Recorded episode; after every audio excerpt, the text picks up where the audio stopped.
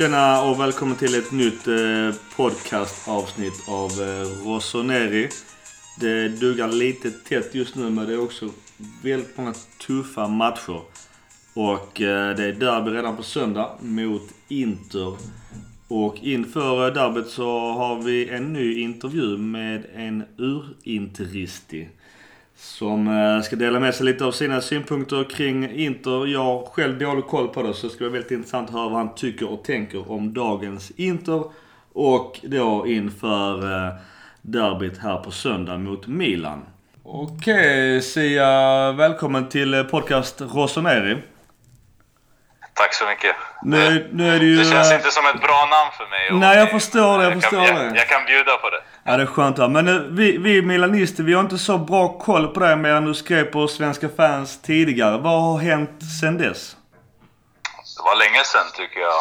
Eller som jag skrev på Svenska fans. Sen dess så... Eh, jag var på... lämnade Svenska fans. Jag drev mina egna hemsidor, semprinter.com solocalcio.se var med och skapade, eh, grundade den sidan. Sen så var jag på SVT för fotbolls-VM och sen dess så, sen 2014 så har jag jobbat på Discovery och Eurosport som det heter. Eh, men eh, för Discovery med Eurosport. Discovery har ju eh, kanal 5, kanal 9, Dplay och de här, men jag är en sportmänniska så jag fokuserar på Eurosport. Jag har varit lite allt möjligt där egentligen, från webbredaktör till vara TV-expert i fotbollen och eh, nu har jag hållit på med sociala medier väldigt mycket under OS. Så det är det jag håller på med. Måste säga att det är en fantastisk resa du har gjort. Ja, det är roligt eh, faktiskt eh, att få ha gjort ganska mycket av det man man alltid har velat göra. Och att ha haft eh, svenska fans som, som grund i allting. Det var där jag lärde mig och hur man arbetar i redaktion och skrev väldigt mycket, var väldigt aktiv både i forum och på, på sidan. Eh, så det var kul och jag har väl alltid haft intentionen att vara på SVT eller eh, Discovery eller något ställe. Så att vara här nu, det, det känns såklart bra. Men jag är också glad över att ha varit med och startat de här hemsidorna som jag var med på, Solo Calcio och sen Printer. det är sånt där som också är kul, som jag inte riktigt känner att jag har tid för nu, men som jag gärna skulle ha mer tid för. Eh, alltså mer hobbyverksamhet liksom. Det, man, sånt där ska man inte underskatta, det är jäkligt roligt. Eh, och då får man liksom göra det man vill. Det, det får man inte så ofta här i, nu liksom. Jag måste säga det är fantastisk driv och det ger ju hopp om alla de där ute som tror att de är på botten men att man kan komma någon vart. Ja, men det tycker jag alltså.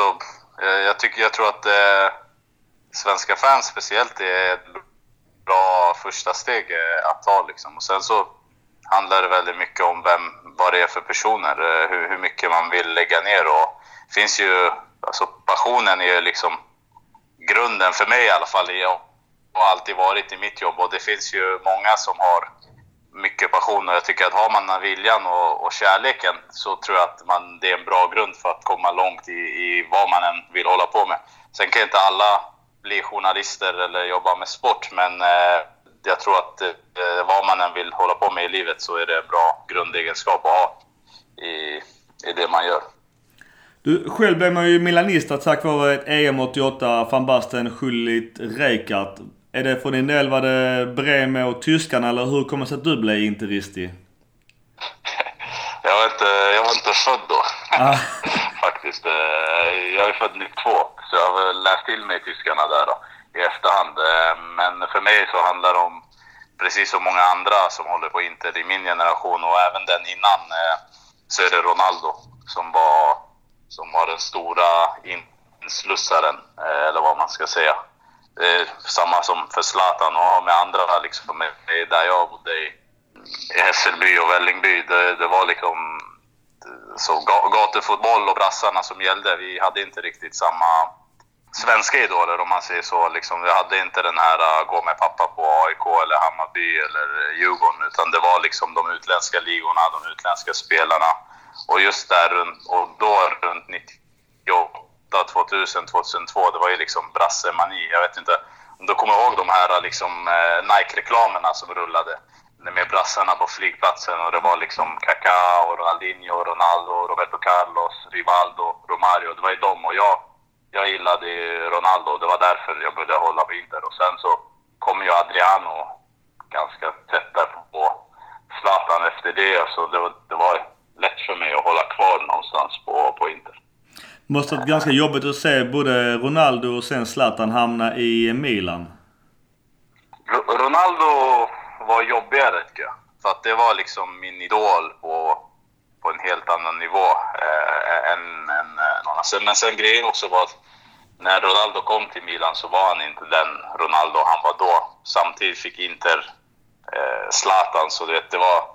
Men jag ska, alltså, man ska inte ljuga i sådana här lägen. Jag, jag, tycker det var he, helt klart jobbigt att se Ronaldo i, eh, i, i Milan-tröjan. Det, det sved liksom. Och sen så gör han ju mål och du vet firar med eh, alltså så här, den här målgesten med händerna ja. bakom, bakom öronen. Alltså, allt som hör till tycker jag till fotbollen egentligen. Han blev ju busvisslad och kallad allting så jag förstår ju någonstans att han reagerade på det sättet. Men för, som supporter och som att ha haft honom som idol så var det jobbigt att, att se honom göra så. Men med Zlatan var det en helt, helt annan grej för att det har alltid varit lite svårare med Zlatan som interistare. Han kom från Juve, han poserade liksom emoji på bilder och sånt där och sen så tog han över och blev kungen, du vet. Och då älskade man ju honom. Sen gick han till Barca, kysste klubbmärket på en dag efter. Då hade man lite svårt för honom igen. Inter och Barca möttes i Champions League tre gånger om, så det var så här, var fortfarande lite sådär halvstelt. Sen gick han till Milan, då var han liksom i fiendeland igen. Men samtidigt så presterade han ju för Sverige. Så det, det har alltid varit en konstig relation till Zlatan, där man alltid har så här... Ja, ah, ah, ah, älskat honom och sen, alltså sen när han lämnade Milan och gick till PSG, då har han ju bara varit... Um, då har man ju någonstans eliminerat all sorts alltså, illvilja man har haft mot honom.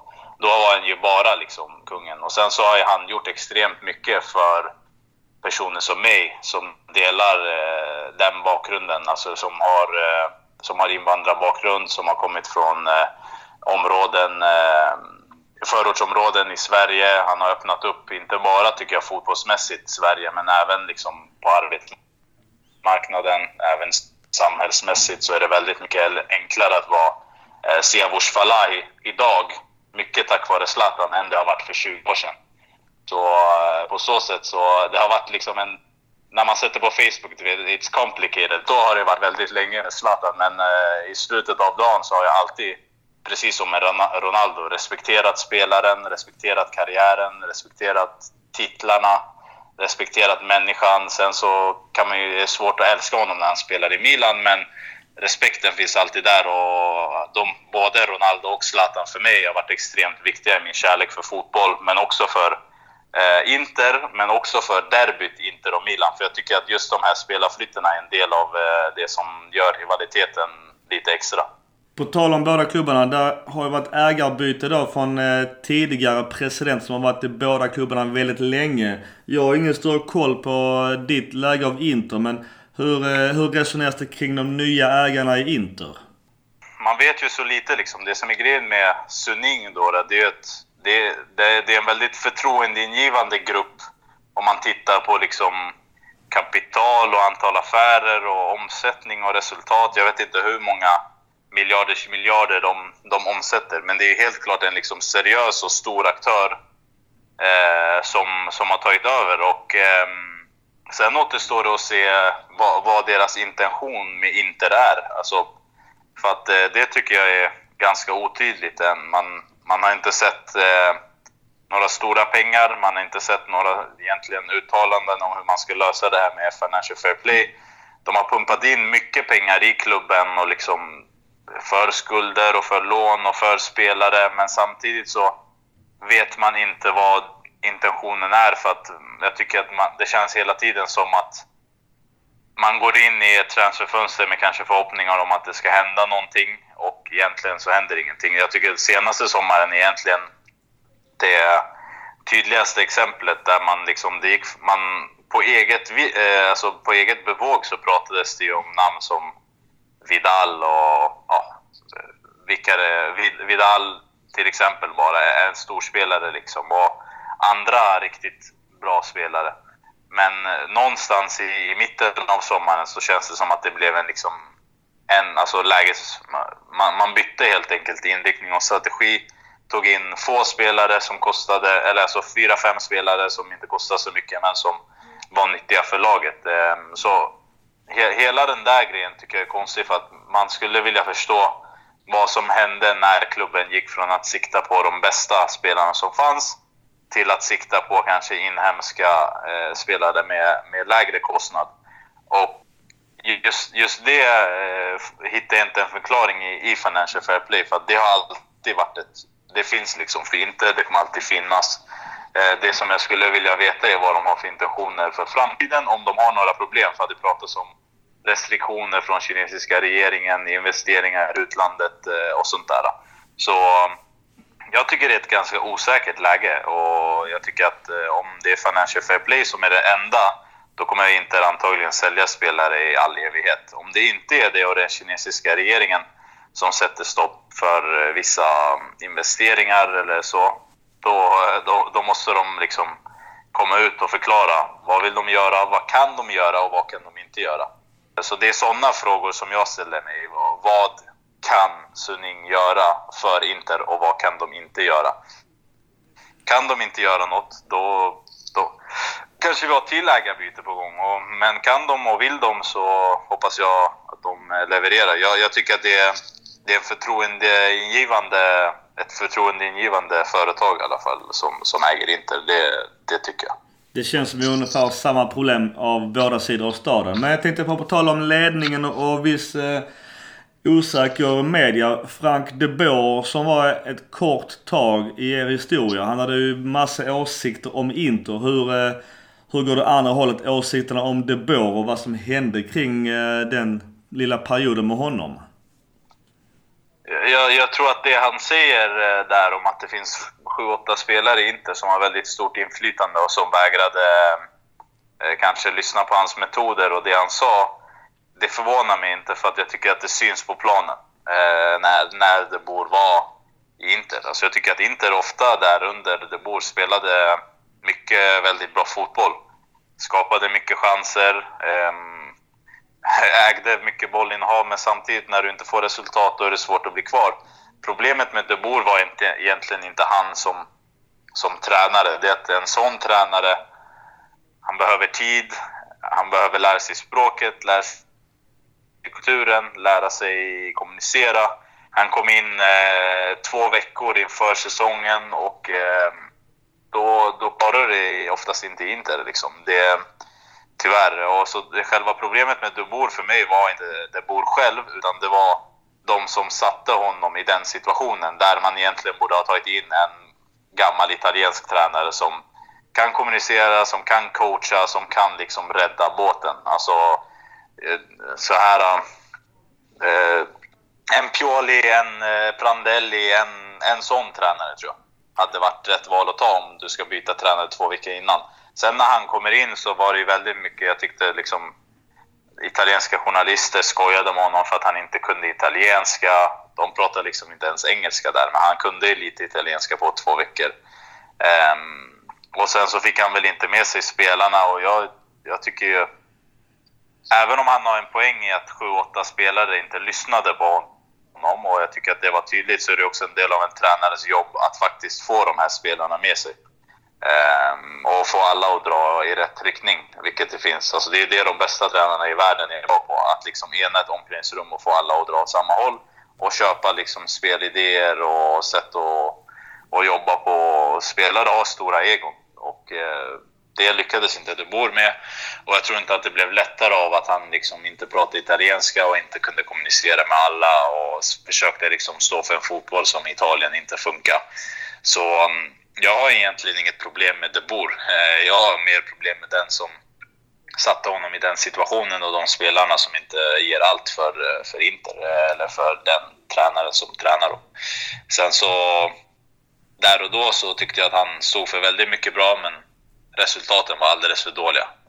Han hade 11 poäng på 16 matcher eller något sånt där. Det är inte tillräckligt bra i Inter och då, då får man gå. Så, så är det. det Du var lite inne på det här med italiensk tränare, vilket ni har idag. Och det började väldigt bra. Ett tag låg ju Inter överst i tabellen, men vad har hänt på senare tid? Det är ju det här som händer varje år egentligen, känns det som Inter. Att det, det kan gå väldigt bra en viss säsong, men sen så kommer en förlust och då... Det är där man någonstans ska visa. Alltså det är där Juventus eh, till exempel vinner ligan. För att man kommer ihåg, så fort de förlorade så gick de ju tio matcher i rad med vinst. Och Inter, eh, det var det som var spännande att se på den här säsongen. Att, eh, hur, hur reagerar Inter på en förlust? Och tydligen så klarar de inte av att reagera på, på förlusten som kom den första. Och då har vi någonstans kryssat borta mot Juve, kryssat borta mot Napoli och spelat väldigt bra. Men så fort det kommer en förlust eh, så verkar spelarna vika ner sig. Jag, jag har väldigt svårt eh, eller så här, jag, jag, tycker grundproblemet i Inter är att det bara är Icardi som gör mål. Eh, så länge som Perisic var i bra form så gjorde han också en 3, 4, 5 mål som, som hjälper till att vinna matcher. Kandreva gjorde en 3, 4, 5, 6 assist, men han har gjort noll mål.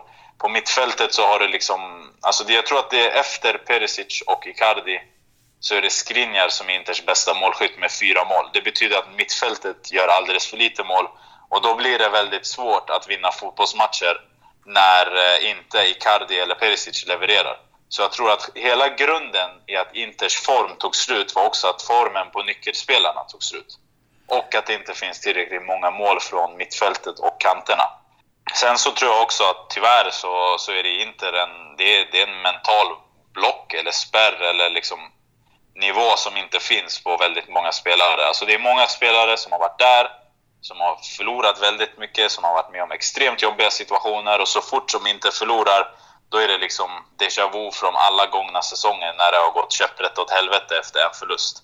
Så jag tror att det är väldigt många spelare som inte har den mentala styrkan att reagera på förlusterna och jag tror att det är just det som har varit problemet även i år. Att eh, samma spelare, samma beteende, samma sam, samma sak som händer när inte förlorar. Sen så, alltså, alltså, om man ser det så här så ligger inte fortfarande på en Champions League-plats där de ska ligga, men de har ju kastat bort den, den fina öppningen av säsongen som han faktiskt gjorde. Det försprånget som man hade kunnat ha mot Roma genom att bara ta ett oavgjort mot Sassuolo eller Genoa eller de här lag som inte har tappat poäng mot. Så det, vad som har hänt, alltså jag tror att det är väldigt många saker som har hänt, men i grund och botten handlar det om att Inter inte har spelare som gör tillräckligt många mål från mittfältet och att eh, de spelarna är mentalt för svaga. Alltså kollar man på Milan så tycker jag att det finns ett par spelare som kan ligga och snitta 10-15 mål var. Suso, Bonaventura, eh, Cutrone till exempel. Alltså, det, det finns liksom ett antal spelare som har många mål i sig. I Inter så är det liksom Icardi, Perisic och sen så är det ett frågetecken bakom dem. Så eh, jag, jag, tycker att det är där någonstans det kommer att avgöras om de här spelarna kan hitta tillbaka till form, om de kan höja sig som Kandreva som egentligen borde göra en 5-10 mål. Om typ ja, Vesino, Valero och, och de här spelarna kan, kan börja göra mål, då tror jag att det inte kan ha en bra avslutning på gång. Annars så är det osäkert. Du var lite inne på det här just nu med, med formen och eh, mentala känslan. Hur är då tankarna och känslan inför ett ganska stort avgörande Milano-derby här på söndag? Alltså jag tror att... Eh, jag tror att det är bra för Inter att Milan har haft så bra form på sistone. Eh, att Milan eh, också spelar på hemmaplan. Inter är alltid bäst när de kan vara underdog. Sen så vet du och vet jag och vet alla som har sett de här derbyna att form spelar absolut ingen roll när det är derby. Liksom. Det har noll betydelse. Det, det, kommer inte avgöras på grund av form, det kommer avgöras på grund av vad som händer på matchdag och vem som är bäst där och då. Så, så jag tror inte att det, det är negativt för Inter att ha haft dålig form eller positivt för Milan att ha haft bra form. Jag tror att Milan, Milan har mer att förlora i den här matchen än Inter har. Och för Inter är det någonstans ett sätt att liksom komma, sätta bollen i rullningen. Alltså vinner man den här matchen då, då tycker jag att då kanske spelarna får en skjuts uppåt. Någon som, som Milan fick när de vann cupderbyt egentligen. Som, som folk säger att ingen bryr sig om och oh, ingen bryr sig om cupen och vem bryr sig. Men Milan vann ett derby där och spelarna fick lite arbetsro och lite hopp och lite glöd och lite glädje och då ser man att det är ganska enkelt att liksom komma tillbaka i, i rätt form alltså känslan för formen är egentligen ganska likgiltig. Det, det kommer avgöras på, på annat. Eh, det, det, ska bli kul med, med derby tycker jag. Och jag tror att, eh, som jag sa, Milan har mer att förlora. För eh, en torsk, då, då är man borta nästan ur, ur striden. En vinst, då, är man, då har man vittring på Inter och Roma och Lazio. Så det, det, det, är mycket som står på spel, men jag ser fortfarande inte den här matchen som helt avgörande. I alla fall för Inters säsong. För Inter handlar om att egentligen hoppa tillbaka i, i, i matcherna mot, mot de mindre lagen. Det är där Inter har svårt att motivera sig. Alltså liksom Genoa borta, där Inter förlorade och sådana här. Det är där spelarna har svårt att motivera sig. Mot Milan, mot Juve, mot Napoli, då vet man att alla tränar fullt, alla vill vara med i elvan, alla ger allt för att få vara med och spela. Så, så jag är inte orolig på det sättet för, för den här matchen. Ytterst hypotetisk fråga, men, men hur tror du att det går i matchen på söndag? Jag tycker att varje gång någon frågar mig den frågan så säger jag alltid så här. Det känns mer ovisst än någonsin. Alltså det kan hända vad som helst. Men det är ju verkligen så med den här matchen att det är extremt svårt att, eh, att faktiskt förutspå vad som händer och hur, och hur det går. Jag, jag tror att jag, om man, jag tror att det, det, är enklare för mig att prata matchbild. Då tror jag faktiskt att Milan kommer att ta tag i matchen framför hemmapublik. Alltså ja, hemmapublik, men det, det är fler Milan-supportrar, bättre form och mer behov av att vinna. Så, så, jag tror att det kommer bli en matchbild, i alla fall i början, där Milan liksom eh, tar tag i boll, tar tag i press, där de kommer liksom visa att här, nu har vi hemmaplan, vi har bra form, nu ska vi visa det. Så jag tror att så, så länge, det, den analysen kan jag göra. Hur det går resultatmässigt har jag ingen aning om. Alltså jag, jag tror ju alltid att Inter vinner, även hur dålig form vi än är i. Men eh, i den här matchen så känns det som att det, allt kan hända. Milan tar tag i det och sen så kanske Inter kontrar in något mål. Så jag, jag tror att det kommer bli en ganska rolig match att se på faktiskt. 2-2, något sånt där kanske. Du bara, när jag har på tråden. Vad är din åsikt kring eh, videogranskning i ligan? Jag tycker, jag tycker idén är bra. Alltså, sen så handlar det om utförandet såklart. Och det är just i utförandet som det har varit, eh, varit lite problem tycker jag. Alltså, jag är i grund och botten för teknologisk hjälp i fotboll. Och speciellt i Italien som är en liga där man har haft många år av liksom domarkontroverser och, och problem eh, på det sättet. Så jag är helt klart för att man ska ha teknologins hjälp. Sen så att jag är för att ha teknologisk hjälp, det betyder inte att jag inte inser de problem som kan finnas kring det. Att det tar för lång tid, att det blir långa avbrott och så vidare. och så vidare. Jag tycker att man ska ha eh, videogranskning, men jag tycker att man alltid ska jobba för att göra det bättre. Och sen så tycker jag också att domarna har ett stort ansvar i att faktiskt göra det här till en bra grej. Och det tycker jag har varit ett problem den här säsongen. Eh, utöver att det är många supportrar och konsumenter av produkten serie A, tror jag, som inte har liksom, däribland jag, som inte riktigt har förstått när kan man ta hjälp? Hur kan man ta hjälp? I vilka situationer? Hur långt kan man gå tillbaka? Alltså allt sånt tyckte jag skulle vara mycket tydligare inför säsongen. Sen så tycker jag också att domarna många gånger inte använder sig av videogranskning när de kan. Och det tycker jag också är ganska konstigt för att har du kan du få hjälp så borde du använda den. Och det är många situationer de gångna månaderna eller veckorna som jag tycker mig se att en domare väljer att aktivt inte använda videogranskning för att kolla på ett beslut. Och det tycker jag ibland skapar problem som inte borde finnas där. Eh, sen så det här med tiden så tycker jag också att det är, ibland när det tar två, tre, fyra minuter, det är ju för mycket liksom. Men ofta så tappar man ju en minut på att alla annars klagar. Så jag, jag är helt klart för videogranskning, men jag tycker att eh, användandet måste förbättras och att domarna måste lära sig att hantera det på ett bättre sätt. Du, en sista fråga. Om du hade varit sportchef för Inter i sommar, vilka två, tre hade fått lämna direkt och vilka två, tre hade du önskat realistiskt sett i truppen?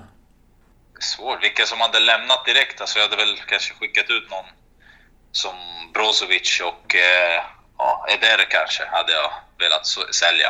Eh, sen vem man vi hade velat få in, alltså en, en högerback kanske, någon som Versaico. Eller någon sån där spelare. En mittfältare som gör mål. Det är svårt att säga vem egentligen. Men eh, en målgörande mittfältare, ja. Det, jag gillar den här Betis-spelaren, eh, Fabian Ruiz heter han. Honom skulle jag vilja ha in. En väldigt talangfull spansk spelare. Jag tycker rent generellt att man borde välja mer, värva mer från Spanien och eh, La Liga.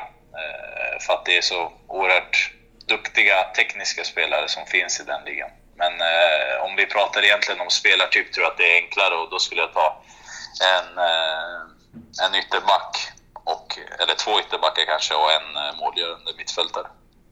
Du Sia, ett stort tack för din tid och väldigt kloka svar. Och jag, Tack, önskar, tack, jag önskar tack. dig ett, ett halvt lycka till på, på söndag. Så jag ska ju dit faktiskt, så det blir Jag kul. vet, jag är jätteavundsjuk. Elfte derbyt. Det är enklare än man tror faktiskt. Det ska folk veta tycker jag. Och Ja. ta sig ner och, och se matcherna i alla fall. Alltså, från, från, Ma- från eh, Köpenhamn är det ju uh, easy ner från tusenlapp fram och tillbaka. Så det är ju inga problem. Ja. Men du- du Matchbiljett kan få genom ett några- medlemskort så, så är man hemma liksom. Men du, har du några tips på hur man skaffar matchbiljetter till eh, våra lyssnare? Ja, eller alltså... Jag har säsongskort och eh, i klacken så är det ganska värt. Men eh, det beror på hur många matcher man vill se tycker jag. Om man vill se en fyra, fem matcher och kan lägga en, säg en tusenlapp per biljett, då kan man ju ta ett säsongskort på en, eh, en, alltså en bra plats. Jag har i klacken och då, då kostar det ju 2000 per säsong och det blir värt för mig eftersom att jag ser den 5-10 matcher. Utöver det, mitt tips alltså till alla supportrar, det är att skaffa ett sånt här Tessera, som det heter, ett supporterkort. Milans heter eh, Core Rossonero. Man, man signar upp sig på hemsidan tror jag, fixar det där kortet och då kan man liksom vara med och köpa biljetter från hemsidan. Inters heter Siamo Noi, samma procedur där. Och man, man, kan, man signar upp sig för kortet och sen så kan man vara med. Man måste aktivera det på plats när man är där någon gång, men det går ganska snabbt. Och sen när man har gjort det så kan man ju, kan man ju köpa biljetterna till matcherna ganska enkelt. Ehm, men, men jag, jag rekommenderar säsongskort till den som har tänkt se ett, ett par, tre, fyra, fem matcher. Om man inte gör det så tycker jag att ett sånt här eh, Siamonoi eller Corre Rossonero och sen fixa biljetterna på hemsidan är det bästa sättet eh, att, att fixa biljetter. Sen så är hotell och alltså, allt sånt där är helt okej i Milano. Det är ganska billigt eh, att fixa. Så ja, mitt tips är att eh, regga dig hos din favoritklubb och fixa ditt favoritklubbskort. Då kommer du ha ett väldigt mycket enklare liv om du vill se matcherna. Du, det är ett fantastiskt bra tips. Och som sagt, ha en jättetrevlig helg nere i Milano och ett halvt lycka till. Tack, tack och detsamma.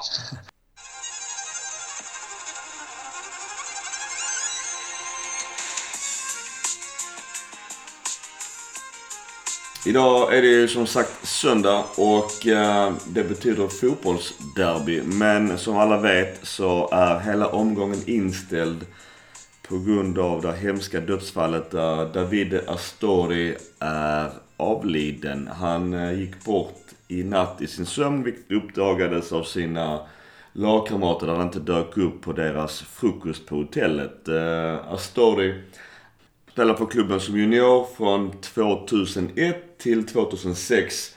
Och sen gick upp i seniortruppen från 06 då till 08. Sen eh, blev han halvt utköpt. Gjorde jättebra insatser i Cagliari vilket ledde till att Milan eventuellt ville köpa tillbaka honom men så blev det inte utan han hamnade då i Fiorentina och eh, blev landslagsman där. Så ett stort eh, Rest in Peace till honom och så får vi se när eh, detta avsnittet släpps.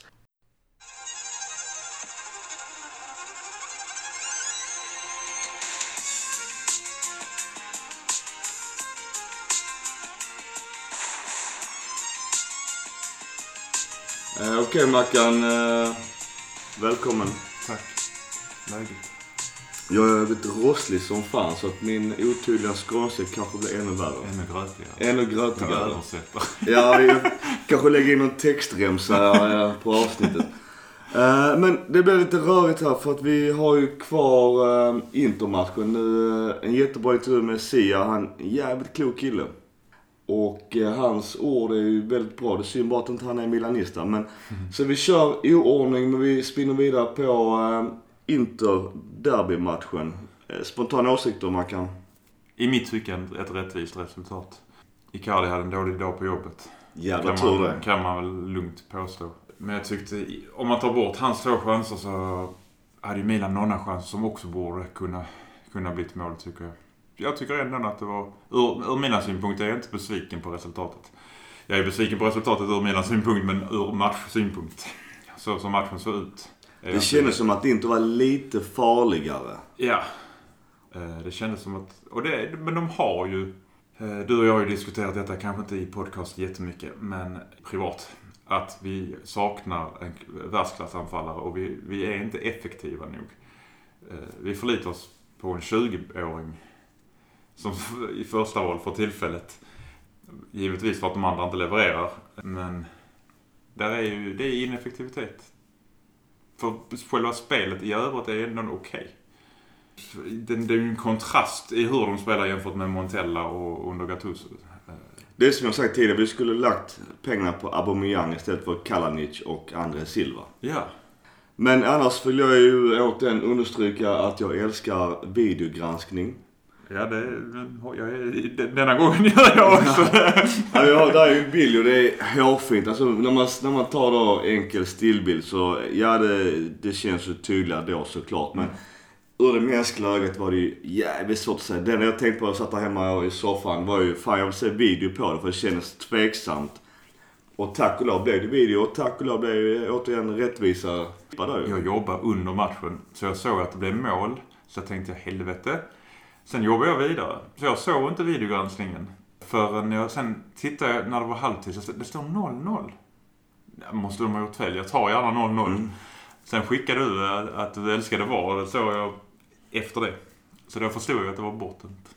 Eh, Jag tycker att de flesta lagen har, och de bättre lagen gör det ju givetvis bättre än de mindre bra lagen, men Suso är rätt sönderläst för tillfället tycker jag.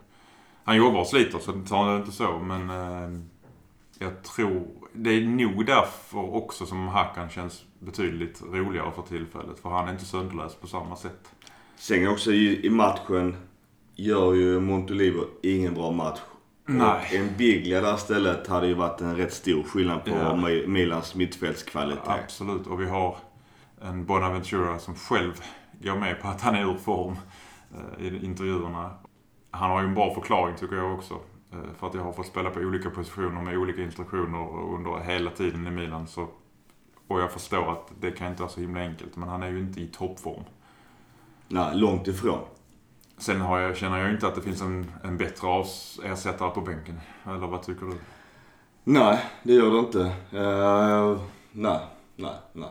Men annars bara kort också, det var kul att se Rafinha från Barcelona. Han är ju bra. Han blir utbytt som vanligt men, och får ganska låga betyg. Men jag tycker han är fan ganska het. Ja, Brozovic har jag inte, jag har inte sett så mycket av Inter för det känns ganska meningslöst att sitta och titta på Inter. Men Brozovic var jättebra. Han var ju aktuell för Milan innan han gick till Inter. ja. Men jag tycker ändå att man of the match är kanske egentligen eh, Handanovic och hans, Han hans räddning var ju sinnessjuk. Ja. Och ser man till hur lagen spelar så, det syns ju här också, vi har statistiken framför oss. Milan eh, har ett gult kort och Inter fyra. De var rätt mycket tuffare, alltså hårdare i närkamper och, det, det kändes som du sa att de var strået vassare och har, kanske då förlorade mer än vad Milan gjorde på det. Sen också på tal om förlora så var det ju inte riktigt tajmingen i sig. Nu som sagt, vi alla vet ju varför inte Dart blev av. Men Milan hade momentum innan. Jag tror det var ett mycket bättre timing för Milan att möta Inter när det väl skulle ha spelats än nu. Absolut. Det kan man väl lugnt påstå. Speciellt också med tanke på att matchen innan var Juventus. Det var, hade det ju inte varit då. Eh, Givetvis, vi ville ju inte ha den till den datumet också för de visste ju att Milan hade spelat mot Juventus helgen innan. Det är ett smutsigt spel och de, de fick ju läget att spela derbyt efter Juve-matchen. Så att eh, det var inte så konstigt att de ville ha det på det sättet. Nej. När vi nu pratar Juve ska vi glida över på den matchen. Ja, Det blev ju en annan ordning. Det blev ju Juventus innan derbyt istället för vice versa. precis. Och den matchen förlorade vi. Den förlorar vi... Vi kan väl säga att vi förlorar den målmässigt ganska tydligt med 3-1. Men det kunde gått på andra hållet. Det, det bästa med den matchen var att Bonucci gjorde mål och firade som om det var hans första Han sprang fram till klacken och ja, det jublade vilt. Men jag tycker, jag såg matchen i, i efterhand som att jag, det var ju en lördag kväll så jag var inte hemma. Men eh, att Milan tycker jag håller jämna steg och det ser även vissa legender som pratar om matchen i efterhand. Att Milan håller ändå jämna steg med eh, Juventus och eh, den, det som avgör matchen. Visst, Dybala är man, man of the match. Men det som avgör matchen det är ju truppen Juve har som Milan inte har. De byter in Quadrado och Costa. Och sen har vi ju ingen chans på kanterna. Nej, jag tycker, jag tycker allt mer tydligt att, att Rodriguez inte är så bra. Under Montella var han ju det bästa nyförvärvet enligt eh, röstningar hit och dit och fram och tillbaka. Och jag kunde väl hålla med om att det kändes som att vi hade fått en, en bättre vänsterback än på länge. Men jag börjar fundera nu. Jag håller med, men där och då också när han blev framröstad till eh, det bästa nyförvärvet. Det var mycket för att de andra spelarna var så jävla dåliga under Ja. Montellas tid. De sprang runt som yra höns på mittfältet. Nu är det ju en annan stabilitet och andra instruktioner. Precis. Och där faller ju Rodriguez ganska mycket nu. Nu pratar vi Juve-matchen. Det var ju samma Inter-matchen. Mm. Och ska man ta över nu så Zulu så var det ju... Han var Det- inte så het där heller. Nej. Om vi pratar Juventus-matchen så Donnarumma borde kanske tagit 1-0. Det skottet är ju inte omöjligt för en målvakt att ta. Han har ju fått lite kritik, med all rätt, att han har lite svårt med skott långt utifrån. Han är snabb som reflexer och sådana grejer. Läste du vad demonen Marco Amelia hade sagt om Donnarumma? Mm, Jag läste det Gamla. Milan-keepern. Ja. Alltså, visst, han har säkert rätt i tekniken i sig. Jag, jag kan inte, jag har inte stått i mål. Men det är lite lustigt att en spelare som är så ytterst medioker som Amelia går ut och kritiserar Donnarumma. Visst, det är kanske rätt. Jag ska inte säga. Han har sagt rätt det han säger. Men det blir ändå lite så pajas. Men han menar på just långskotten har Donnarumma svårt för. Och det var någonting med hur han stod, så pass lång målvakt att han stod Han lite stod för brett. För brett med Ja, så att han fick var inte den här inte explosiviteten i sidled. Och det låter logiskt när man säger det. Sen så kanske man eh, ska hålla käften när man är ytterst medioker som målvakt och har alltid varit stort sett. Ja. Men han har säkert rätt i det han säger. Givetvis. Alltså, vi får ju komma ihåg att Pågen är 19 år gammal. Det, det, han har kvalitet, men han har ju mycket kvar att lära såklart. I övrigt så som, som sagt, jag, jag håller med dig där med din analys att eh, Milan håller jämna steg. Eh, sen så byter de in, de har en bredd på truppen som Milan inte kommer i närheten av i dagsläget. Kunde gått lite annorlunda om eh, Hakans eh, ribbskott hade gått in istället. Ja, det Buffon hade inte eh, schalle på det. Nej. Nej. Där sen lite också det att eh, Kalanic blir inbytt och får sämst betyg av alla. Och jag vet inte om han gör... Varför Cotrone inte fick starta den matchen är ju... Är det för att Silva då hade haft eh, så bra facit i matcherna innan och avgjort? Måste ju varit det. Momentum kanske på något sätt. Och det kan jag tycka är okej för Cotrone har inte varit jättehetig heller på senare tid. Nej, det är inga av våra anfall har varit heta. Det är så, han hade ju den här, om man går tillbaka till Intermatchen, derbyt, den här uh, cykelsparken. Nu var det ju klar offside, men det hade varit ett jävla mål att se. Så, Det är bra bättre. teknik i det, hela den Det biten. är Det är, ju medvetet. Det är inte så att han har tur. Nej, han, gör, han vet vad han gör och sen är det, är det offside och det är alltid otur men det hade varit ett fantastiskt mål. Men annars har han varit ganska blek på senare. Mm. Och det är problemet återigen som vi sa, som jag pratade också om, att vi har ingen kille som gör 20 mål. Nej, det är det vi saknar. Och ska man då, om man då bunkrar upp alla matcher sen förra avsnittet så är det att Milan vill inte ens pumpa knappt in bollen i straffområdet för de vet om att det blir ingenting av det. Crossbollar runt straffområdet eh, i all ära, men får du inte ut någonting av det? Vi pratar... Vi, Juventus spelade ju mot Real Madrid eh, i samma dag som Milan... Spelade derbyt. Var det samma dag eller var det... Ja, det var mitt i veckan i alla fall. Och vi pratade ju där om att då förlorar de mot Real Madrid. Och de håller också jämna steg. Nu fick de en man utvisad. Men de, fram till dess håller de jämna steg tycker jag. Men det är också effektivitet. Där är, ligger Real ett steg över Juventus. Ja. Vilket säger en hel del om var Milan ligger då i Europa. Och på tal om just det med Europa långt bak att nu när vi hoppar in i matchen nu senast här nu mot Sassuolo att där hade vi ju verkligen chans. Ja, när både hänga på- Roma ja, och Inter förlorar. hänga på tre lag framför oss och ha kanske ändå chansen på den här jävla fjärdeplatsen. Mm.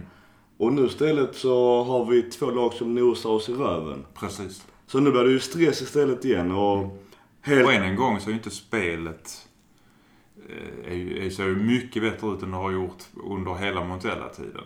Nästan 80% boll mot Susulu. Precis. Som just hade den värsta bussen. Det var ju nästan... Det är, En svårt att göra, det är svårt att göra mål, men Och det är också en lång skott som släpps in. ett, ett, ja. Där saknar vi ju eh, en klassavslutare, måste jag ändå säga. Även om Kalanis, kanske hans mål kan man nog säga är ett klassmål faktiskt. Men det sjuka, han har ju också chans att göra ett mål till. In efter ja. Kalanic, han eh, hade chansen i någon match som han kunde avgjort med någon nick i straffområdet. Jag inte om Juve eller Susulu eller båda matcherna. Och han är då inköpt som en stor target som, Som ska ta det ja. Och han har så jävla dåligt huvudspel Ja. för att vara så pass duktig target som han sägs vara. ja. Nej, jag vet inte. Den är... Nu, nu gjorde han mål mot Susulu som gav ett visst hopp han kunde kanske till och med gjort ett till. Men jag vidhåller fortfarande, även om han fick bra betyg mot Susulu så är han så jävla dålig anfallare. Ja. Och han har börjat böla nu också. Att han inte får spela och det Han får ju spela alldeles för mycket. Ja, han spelar alldeles för mycket. Nu, hoppas jag... Vi undrar om han har en klausul i kontraktet som säger att han måste få spela. För att det är ju helt sjukt. Han, Så eh, mycket speltid han nej, har jag fått. håller med. Det är för rent. All, alla frågasätter hur det kommer sig. Och Nu, var, nu fick vi en förklaring efteråt varför inte Silva fick spela. Det fick vi. Ska vi dra den kanske? Även om inte alla... alla Det var ju mot Inter. Där han eh, inte blev inbytt på grund av att hans farfar Det var någon släkting hade gått bort. hade gått bort i Portugal och han åkte direkt efter matchen satt han på flyget. Så han var nog inte riktigt fokuserad på matchen ändå. Nej, Den, den köper vi. den kan jag köpa. För då finns det i alla fall en förklaring. För annars så, varför får Kalanic spela? Nej, för jag börjar ju betvivla Gattuso faktiskt. Ja. Men vi kanske ska dra Gattuso att han har fått ett nytt eh, kontrakt till 2021 och kommer då tjäna ungefär 2 miljoner euro om året. Och däremellan förtjänt av. Många ifrågasatte att man skulle kanske vänta till säsongens slut för att ge honom eh, en chans att bevisa sig ordentligt. Det, det är svårt att säga någonting emot hans framgångar. För att det är, det är en betydlig skillnad på alla, både i poängsnitt och i hur spelet ser ut. I glädjen i laget, i, i hela känslan runt Milan för tillfället jämfört med Montella. Sen kan jag ju förstå de som är skeptiska och tycker att det kanske finns bättre tränare att tillgå till sommaren.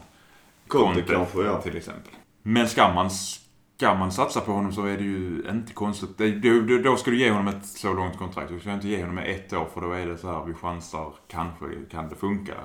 Och vad säger det till klubben? Eller till spelarna i klubben? Vad säger det till fansen? Det, så vill man ha honom så är det ju rätt beslut. Det är ju legender som nästa med fler som har gått ut och sagt att Gattuso är rätt man och att de är Maldini. förvånade. Maldini, Shevchenko, må, Alltså, många hyllar honom och det har man rätt i. För att jag menar om man, om man ser på Mon- Montella hade han ju ett snitt på 1,6 poäng, eller 60. Sedov 1,84. Mihailovic 1,53. Brocchi 1,33 och Inzaghi på 1,37. Så Gattu- Gattuso leder den ligan på 1,94 poäng och är fortfarande topp 4. Eller till och med topp 3 denna säsongens eh, poängskörd. Så att jag menar...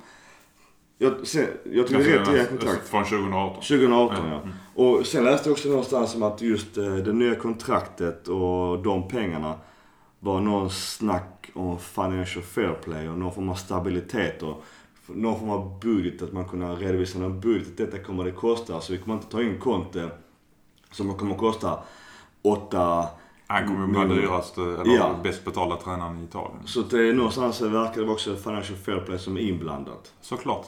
Eftersom vi tydligen inte kan lita på att vi får spela Champions League. Det, då hade man nog lagt pengarna på spelare istället för, tror du inte det? Ska vi köra en ja och nej-fråga förresten? Kan vi göra. Var det rätt att förlänga med Gattuso redan nu? Nu är det en politiker som tänker efter. Ja. Jag säger också ja. Är Gattuso rätt man för Milan nästa år? Ja. Jag säger också ja på det. På tal om tränare och Milan och Milan-legender. Nyhet idag. Till och med på Sky Sport som är någon eh, hyfsat seriös sida. Där Paolo Maldini och Alessandro Costa Curta har vad då för tankar? Att ta över Italiens landslag. Det kommer väl lite som en blixt från en klar himmel med tanke på att de inte, någon av dem har någon lysande tränarkarriär bakom sig. Eller ingen tränarkarriär kanske vi ska säga. blank CV. Eh, Men jag vet inte om det... Som sagt var, det är relativt seriösa rykten ju. Med tanke på Italien har alltid haft en jävligt vass defensiv och vass taktisk defensiv. Så tror jag att det blir jävligt svårt att göra mål på Italien framöver om nu dessa två legender skulle ta över landslaget. Sen Alltså, är stora problem, om- de har ju samma problem som Milan har, att de inte har någon världsklassanfall. Ja. Belotti har sig gjort två hattrick som eh, är på tapeten igen för Milan. Men eh, nej, jag tror inte att det... ja, visst på papper Belotti och... Eh, vad heter nu han i Lazio? Jag tappar namn på honom. Immobile. Immobile. På pappret är de ju två jävligt vassa anfallare men eh, de gör ju inte mål. Så, mot Sverige. De gör ju Nej, inte de mål. gör inte mål.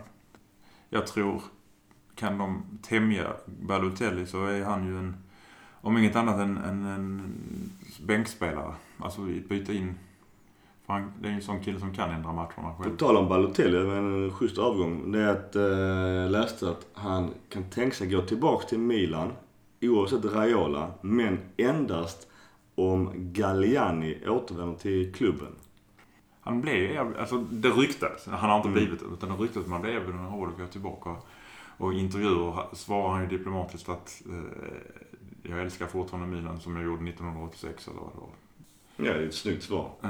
Sen frågan om, om han... Men det var någon roll, det var ju, han, sportdirektören har ju Miravelli, det var någonting annat om man skulle vara... Ja, i alla fall. Jag, jag tror inte att Galliani kommer att komma tillbaks till Milan och jag tror inte heller Balotelli gör det. Vare sig om han byter agent från Raiola eller att Galliani kommer tillbaks. Men annars sidan så, man vet ju alla med Balotelli. Nej, man vet aldrig. Och det är väl det som är det roliga med honom. Men Jag, jag älskar Balotelli. Det är, tittar vi på hur transferstrategin har sett ut hittills så har vi ju tecknat kontrakt i princip med rätt, eller rätt många, men ett antal spelare som går, eh, är kontraktslösa i sommar. Och givetvis beror det på att penningfrågan är eh, obesvarad. Vi vet inte vilken transferbudget det finns, om det finns någon. Och då är ju Balotelli ett alternativ såklart. För han står utan kontrakt i sommar. han är bossman och kostar ingenting och han är- har ett Milan-hjärta. Så att, eh, och det är en anfallare vi också kommer att behöva för att de levererar inte där framme.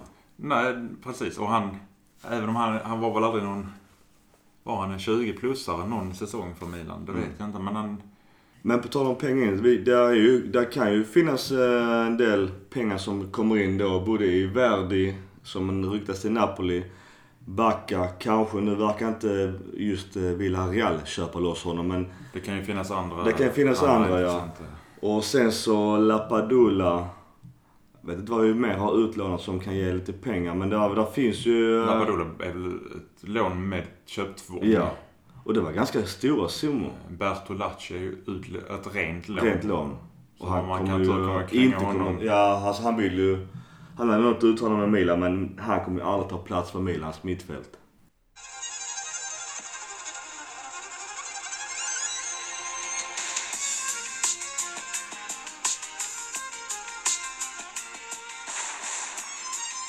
Bonucci har ju gått ut och, gett råd i, i, i pressen. Givetvis, han är ju en, en räv den såklart. Han säger ju sådana grejer i pressen för att han vill eh, eh påverka både Miravelli och Fasone. Han, oh, han har ju rätt i det. Han säger att vi behöver köpa två till tre eh, världsklasspelare på sina positioner. Och han har ju helt rätt. Och det är lite så att det, jag, jag hellre ser att Milan köper kanske en till tre etablerade spelare, kanske en världsstjärna, än sju, åtta eller elva nya spelare likt i somras.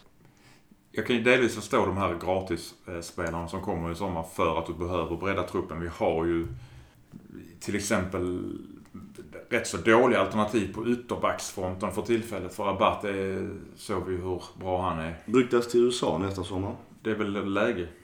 Kan de spela med Zlatan? Ja, de gillar ju varandra. De Ja. firar ju semester ihop minst Så är det. Så att, samma agent också om jag inte minns fel. Vill Zlatan ha honom till eh, Galaxy så kan han få honom. Det är jag rätt säker på. Vill Zlatan får Zlatan. Välkommen till Zlatan som jag säger. Nej men just bara en kort parentes om Zlatan. Jag såg hans eh, presskonferens och det är mycket möjligt att de har velat göra honom lite mera USA-pampig. För han har ju aldrig varit en, en ödmjuk människa. Men det Det var ju lite pinsamt nästan när han stod och pratade om sig själv i USA. Ungefär som han vore en rockstjärna. Visst det är han i och för sig men det här med ödmjukhet det är ju ingenting kanske som funkar på jänkare. Men vet, man satt ju själv nästan med, med skämselkudden. Tänkte så shit vad, vad håller du på med? Ja. Det var en kille på jobbet som eh, sa att han hade efter första matchen så tänkte han att jag ska kolla hur, vad pressen skriver om det här i USA. Och gick in i, jag, jag kommer faktiskt inte ihåg vilken elittidning det var, men han kollade på deras hemsida och... Nej, det var ju inte på första sidan. Det var inte på första sidan på Sportbladet heller, utan det var på tredje sidan en liten artikel Jaså? på Sportbladet. Så så liten är fotbollen i USA Ja. fortfarande. Eh, Sen kan man väl säga vad man vill om hans inhopp, men det, han gör mål. Ja, fantastiska mål. Men på tal om Zlatan och eh, USA och deras jävla liga. Så kanske det finns en chans att han lånas in till Milan mellan, vad har de, uppehåll mellan januari och nästan En april? Beckham. En Beckham. Det hade jag inte sagt nej till. För eh, om inget annat så skapar det en liten hype. Eh, Han gillar ju Milan. Milan gillar honom. Italien gillar... Han gillar Italien, Italien, ja, gillar honom. Så att, eh, jag, Han är inte bra nog idag för Juventus, till och med Roma, Nej. Napoli. Det skulle vara man... Ja, alltså jag tror inte är- Napoli vill ha honom. För grejen är att i Beckhams-fallet var det ju för att han skulle få träning så han kunde spela VM. VM, ja. Mm. Nu är det ju inget sånt som kan locka en 37-årig Zlatan då, eller vad han är. Och pengar har han men det skulle vara om man någonstans vill visa Europa att han fortfarande har det i sig. Men eh, då är frågan om Milan är rätt lag att gå till. Nej. Det är väl om fru vill shoppa på gatorna, jag vet inte. Men du kan tänka dig, då hade du ju helt plötsligt börjat sälja massa tröjor igen. Mer än gärna. Men du Mackan, du var inne lite på det här med Bonucci och hans eh, åsikter. Vilket vi båda håller med om. Du och jag snackade ju lite om vilka, vilka världsklasspelare kan komma till Milan realistiskt tä- tänkt nu. För att du och jag ponerade att vi inte kom till Champions League för det känns rätt så avlägset för tillfället. Tyvärr känns det så ja. Och då får man ju nog tyvärr gå på världsklass som är på nedgång. Där är ju då eh, bland annat Arturo Vidal som det har snackats om i ett par år höll jag på att säga. Men det var ju faktiskt redan på Galliani-tiden. Allting handlar ju givetvis om hur mycket pengar det kommer att kosta totalt sett. Men han har ju en vinnarmentalitet som skulle vara välkommen i Milan tycker jag. Han var ju jävligt bra mot Sverige om Ja. jag säger någonting i Ja. den landskampen. Vad sa du? Vidal och vad har du några fler namn? Realistiska. Du och jag snackade väl lite om Dzeko som har eh, av någon anledning fallit ur eh, gunsten i Roma. Hur mår idag mot bara, eh, Jag Barcelona? det. Jag vet inte hur... eh, Jag vet inte vad det står. Det kan vi kolla upp innan vi avslutar. Men eh, Och han har väl... Eh, framförallt är han ju erfaren ur Serie A-perspektivet och eh, inkörd. Om det skulle vara en fråga mellan att välja mellan honom och Kalanic så är det ju ingen fråga ens. åtta dagar i veckan. Ja. Det är dina två namn. Jag tror att realistiska namn... Har du någon bubblare? Fast det, han är väl klar, Asamoah är väl klar för Inter. Mer eller mindre enligt ryktena. Han, Vänsterbacken? hans kontrakt går ut. Ja, jag såg det. Eh, Jag tror att han mer eller mindre har ett förkontrakt med Inter. Söker vi en ny vänsterback, vilket jag tycker vi ska söka, så har du ju nämnt Luke Shaw. Mina namn eh, är och jag tror också Vidal kan vara en sån typ av värvning. Sen får vi se om Bonucci håller med oss. Men om vi då fortsätter med 4-3-3 så vet jag att eh, Di Maria är ju också en sån världsstjärna som har ett jävligt bra CV men som också är på väg neråt och inte har en gjuten startplats i Paris. Det är ju ett nerköp för honom men å andra sidan kanske det kan vara den här prestigevärvningen. Och eh, han hade ju varit perfekt ersättare för Suso om nu inte Milan byter Suso mot Callejon. Precis. Är Men för att det återigen som jag sa sist, eh, klausulen på 40 miljoner euro kommer ju många klubbar kunna lätt eh, trycka in för Mm. Suso till Absolut, sommaren. absolut. Utan vidare. Det är det för är ju lite. småpengar i, i, Ja, det är i det. fotbollsvärlden idag tyvärr. Sen andra sidan så den här Mendes eh, agenten.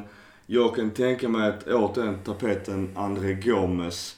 Sen han i sig och position kanske inte är en prestigevärvning men det är mer prestige att kunna värva just från Barcelona. Ja. Annars eh, två tråkiga nyheter i eh, Milan-ögon. Först och främst så eh, Baresi var nere på eh, ringside, som det heter på boxning, med en eh, Ray Wilkins-tröja som tyvärr har gått bort. Så även till honom Rest in Peace. Och sen har vi då vår kära vän högerback Conti. Som vi saknar. Inte för att Calabria har varit dålig utan för att vi inte har någon ordentlig ersättare när Calabria är avstängd eller skadad. Calabria kom med, vad var det, vad sa vi, mars månads lag som högerback. Bra, han gjorde en bra match också så att det... Han har faktiskt, ja, ja, nu är Conte jävligt duktig. Men han kommer inte eh, putta undan Calabria hur lätt som helst, som jag sagt tidigare. Nej, där är... Förhoppningsvis spelar vi ju i Europa. Så då finns det ändå en möjlighet att variera, alltså, vad heter det, inte variera, eh, Alternera. alternera. Eh, och eh, han kommer ju förmodligen inte vara i matchform när han är tillbaka ändå. För nu häller han bort hela året såklart. Ja, ja, såklart. En annan tråkig nyhet, nästan lite humoristiskt, det är att vår lagkapten har fått böter efter Susulu-matchen. Han var jävligt gnällig. Jag kan väl tycka att eh, han någonstans, han, för det första har han råd. Det var 1500 euro. Och det Ja, har väl han i bakfickan i och för sig. Men han klagar och gnäller som fan på domaren. Med all rätt. Han gjorde med rätta, för domaren var inte Nej, det låter sjukt att säga det när vi har 80% boll och vi inte vinner av ett bottenlag. Och säga att domaren inte var bra, men han var fan inte bra. Nej, det var han verkligen inte. Mackan, har vi någon, någon nyhet om ekonomin annars? Ja, det behövdes ju en liten injektion av cash för att klara säsongen ehm, ut. Det har ju Berlusconi gjort ett antal gånger också. Pushat in lite pengar för att eh, man ska kunna betala ut löner och så vidare. Det var, ryktades, för det är väl ingen som har exakta siffror, men det var 10 till 11 miljoner euro som skulle betalas in innan den 31 mars om jag inte kommer ihåg fel. Eh. Och då blev det förlängt i vanlig ordning när vi pratar kineser. Och det sista jag hörde var att det skulle ha kommit in nu i dagarna. 11 miljoner euro. Så att eh, klubben är likvid säsongen ut. Jag tror inte kineserna tabbar sig på 11 miljoner euro. eller? Nej, det var väl... eh, det- Ryktena var ju där annars att eh, den vår, vår goda hedgefond, eller vår onda hedgefond, det beror på hur man ser på dem, var ju beredda på att lägga upp 40 miljoner direkt. För de kan inte se klubben Eh, gå dåligt innan de har möjlighet att sälja klubben, så att säga. Så på något sätt känns det ändå okej, för att hedgefonden vill ju inte att det ska gå dåligt för Milan. Man kan ju se det som att nu är det kanske tomma löften, men de har ju sagt att de kommer att sälja till högstbjudande. Det kan ju också vara så att de får för sig att stycka klubben och sälja eh, tillgångarna för högstbjudande. Och då är ju de största tillgångarna i en fotbollsklubb som inte äger sin stadion, eh, det är ju spelarna. Och då helt plötsligt skulle de ju kunna äga Milan och sälja av spelarna för att få in pengarna de lagt ut. Och sen låta Milan spela Serie C.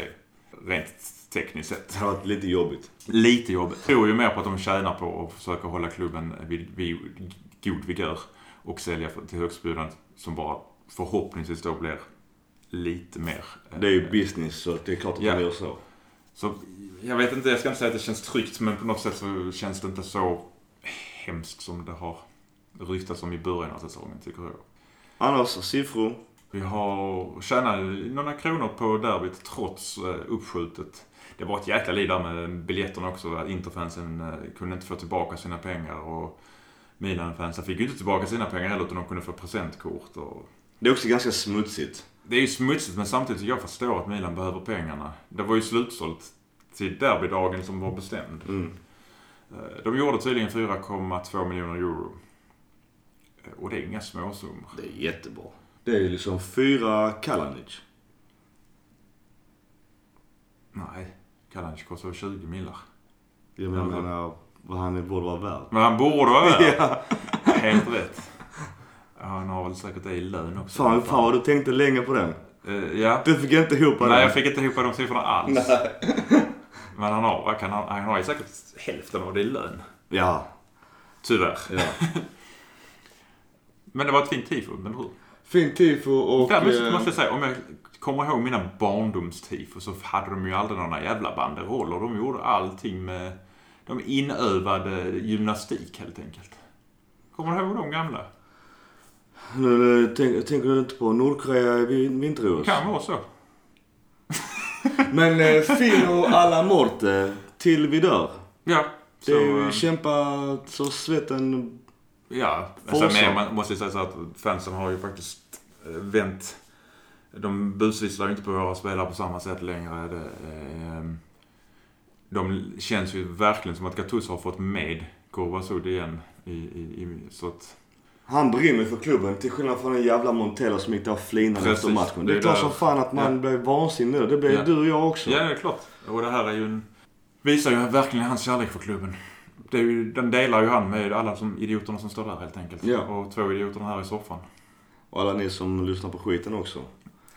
Att ni pallar. Men, men, ja, men vi är tacksamma. Eh, Men nu ska vi glida över till, vi har ju ett litet eh, Facebook-event och en eh, stormatch på söndag. Alla som bor i krokarna eller vill ta sig ner är välkomna till Glorias Lund eh, sportbar där Mackan också jobbar. Vad har vi för tider? Vi, matchen börjar tre. Vi tänkte att vi kunde väl eh, mötas upp vid tvåhugget så vi kan snacka lite skit och eventuellt ha ett quiz med svåra frågor. Det blir tuffa Milan-frågor och de, eh, den personen som, som vinner quizen får ju ett, ett litet pris kanske. Men äran i sig är ju än mer värd. Men till matchen. Vi har ju jävligt ont om eh, mittbackar. Men det ser inte bra ut. Eh, Jag vet inte hur. Romagnoli skada, hur allvarlig den var. Jag har inte Jag sett läste någon någonstans att han inte var aktuell för Napoli i alla fall. Nej, då är det... Då är det och som Musacho. eh, Mm. stod och blundade lite mot eh, Susulu här nu. Kan det vara därför Bonucci fick böter? Han gnällde nog rätt mycket för gula kortet. för Han sa du, du kunde bara inte vänta. Du kunde inte vänta. Eller Så kan det ha varit ja. Vilket innebär att han är avstängd. Och det, Nu har han spelat rätt mycket nu senast och jag tycker han ser ganska stabil ut. Men det är återigen, det är ju Ett misstag. som Det- dessutom knappt anföll. ja, ja förvisso.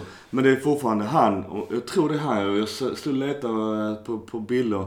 I deras mål så upphäver en, en back offsiden. Nej, det är Bonucci eller är det han? Nej, jag tror det är han. Och då, då blir jag förbannad. Vad fan håller du på med? För det är, Det är inte Bonucci. inte... Jag vet, inte, jag vet inte om det är han eller Abate. För det är någon som står på hälarna och glor. Och då blir jag Det har ju förbannad. Abate gjort ett antal gånger. Så kunde man Abate, det, är- Det är det han är bäst på nu Ja. Han har jävligt tunga hälar den grabben. För fan kör ett par pumps till honom så att han kommer upp lite. Men i alla fall sånt gör mig förbannad när man inte följer linjen. För det är du försvarare på den nivån ska du fan Ja, göra det måste de ju öva på. Dag ut och dag in höll jag på att säga, som backlinje. Okej, Mackan. Eh, sista svängen. Det blir ett långt avsnitt men det är också för att det är intervju. Eh, och det blir lite ryckigt avsnitt. Dels för spelschemat. Dels för intervjun med Sian och hans kloka ord som eh, vi eh, också trycker in i detta avsnittet. Och jag kan säga att det blir eh, nog en intervju till i nästa avsnitt. Så att det kanske blir lite långa avsnitt.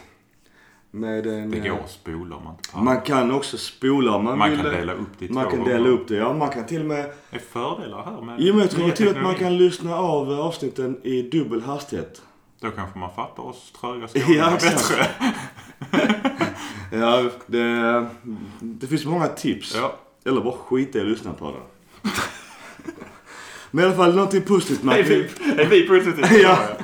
Eh, Det positiva tycker jag eh, Eh, från de här senaste tre matcherna, det är att Milan har en helt annan inställning till matcherna. De eh, ger inte upp i underläge. Framtiden ser ändå ljusare ut trots lite jobbiga resultat de tre senaste matcherna.